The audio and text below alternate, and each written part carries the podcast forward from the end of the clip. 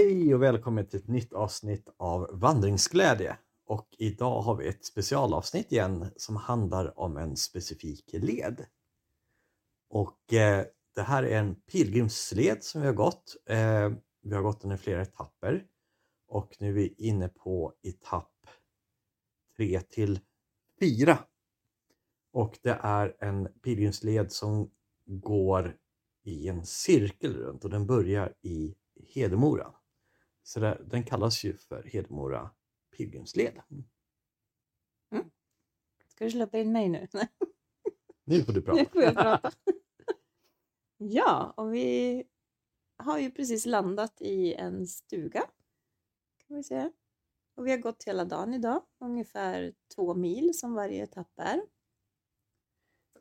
Ja, det är ju väldigt bra etapper. Alltså två mil är ju Mm, ganska Alltså, perfekt så. ganska perfekt. Det var nästan så att vi idag ville att det skulle vara lite längre. Mm. Det var lite sorgset när vi kom fram, att vi redan var framme. Vi tänkte vi går en liten extra sväng, men då satt de på altanen där vi skulle hyra och vinka. Att vi... Så ja, så nu är vi här. Och eh, man kan säga att den här pilgrimsleden går ju, ju tänkt från kyrka till kyrka i princip. Och eh, eh, man kan väl säga att mycket av leden är väl egentligen grusvägsbaserad. Mm. Men väldigt varierad. Man går både i skog och här i södra Dalarna får man säga att det är, så är det ganska kulligt. Man skulle inte säga att det är höga berg, de är väl 200-300 meter höga. Eh, så att man går på grusväg och det är landsväg och eh, sen kommer man oftast in delar av- där man går i skog.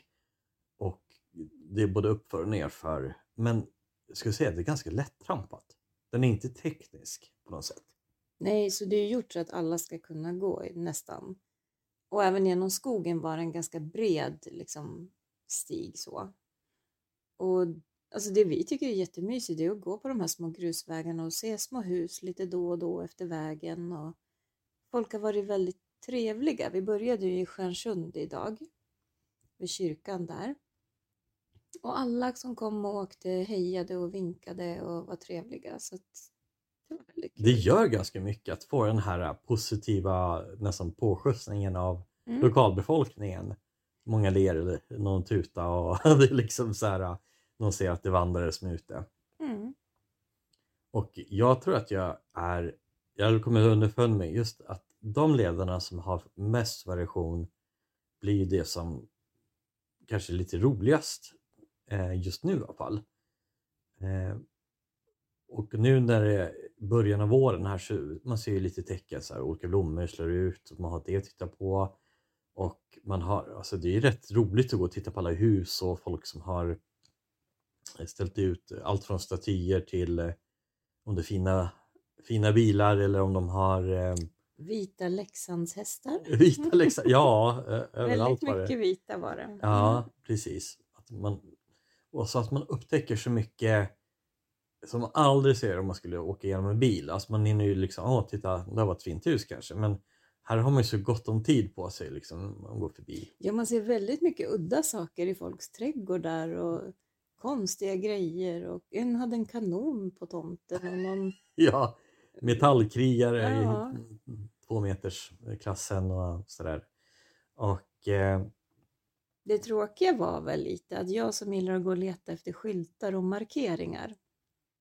Det var ganska dåligt med markeringar på den här leden. Ja, vi har ju tyvärr fått använda oss av kartapp, Naturpasset sådär för att just, alltså ibland är det ju att man går väldigt långt liksom på, efter en grusväg eller liknande och vet att man inte ska svänga av.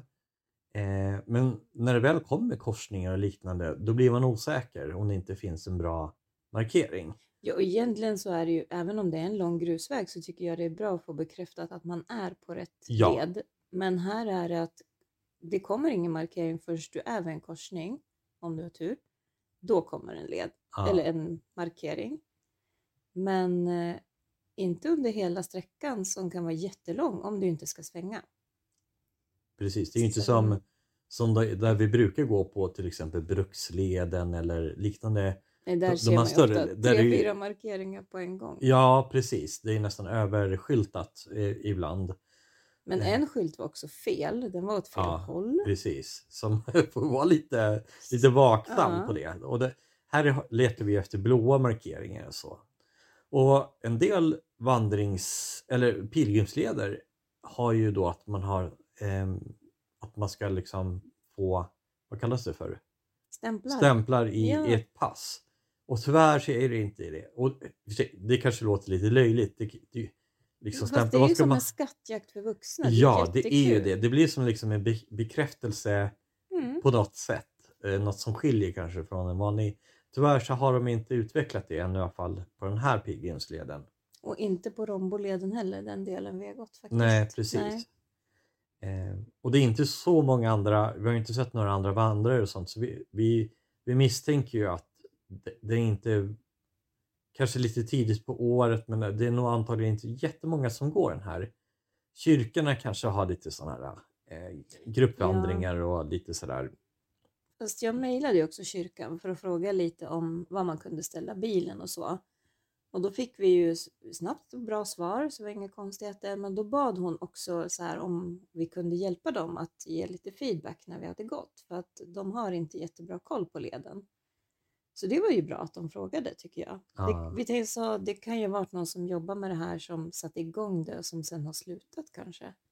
Så att de andra inte har jättebra koll. Men det har hittills inte varit några fallna träd över någonting, någonstans. Nej, och det är inte igenvuxet utan det Nej. känns som det sköts leden av eh, lokalborna så att säga. Eh, för att det är ju en del grusväg och den är liksom Mm. det är inte så mycket i tät, tät skog så på det viset. Ja. Och jag tycker att eh, de sträckorna, delsträckorna som vi har gått, vi har ju sett ganska mycket och vi har även haft eh, ganska så tur med att det, det finns boenden. Eh, I någon ort så har det ju varit lite flera olika alternativ och på andra så kanske är lite färre. Det är väl en delsträcka som vi är lite osäkra på om det ens finns något boende överhuvudtaget. Mm. För den som står på hemsidan som de rekommenderar det är ett vindskydd vid en sjö och det är Vikmanshyttan. Så där vet jag inte riktigt om det finns någon men vi tänker nog, vi kommer ju gå dit imorgon Ja, och sen åker ju vi hem för det är söndag. Precis. Ja, nu blir det ju bara en, en, en sträcka kvar så vi be, då behöver vi ju inte ta. Nej, men då behöver vi inte. men om, man, om vi skulle fortsatt en dag till då, så hade vi Mm. en tredje dag här i, i sträck.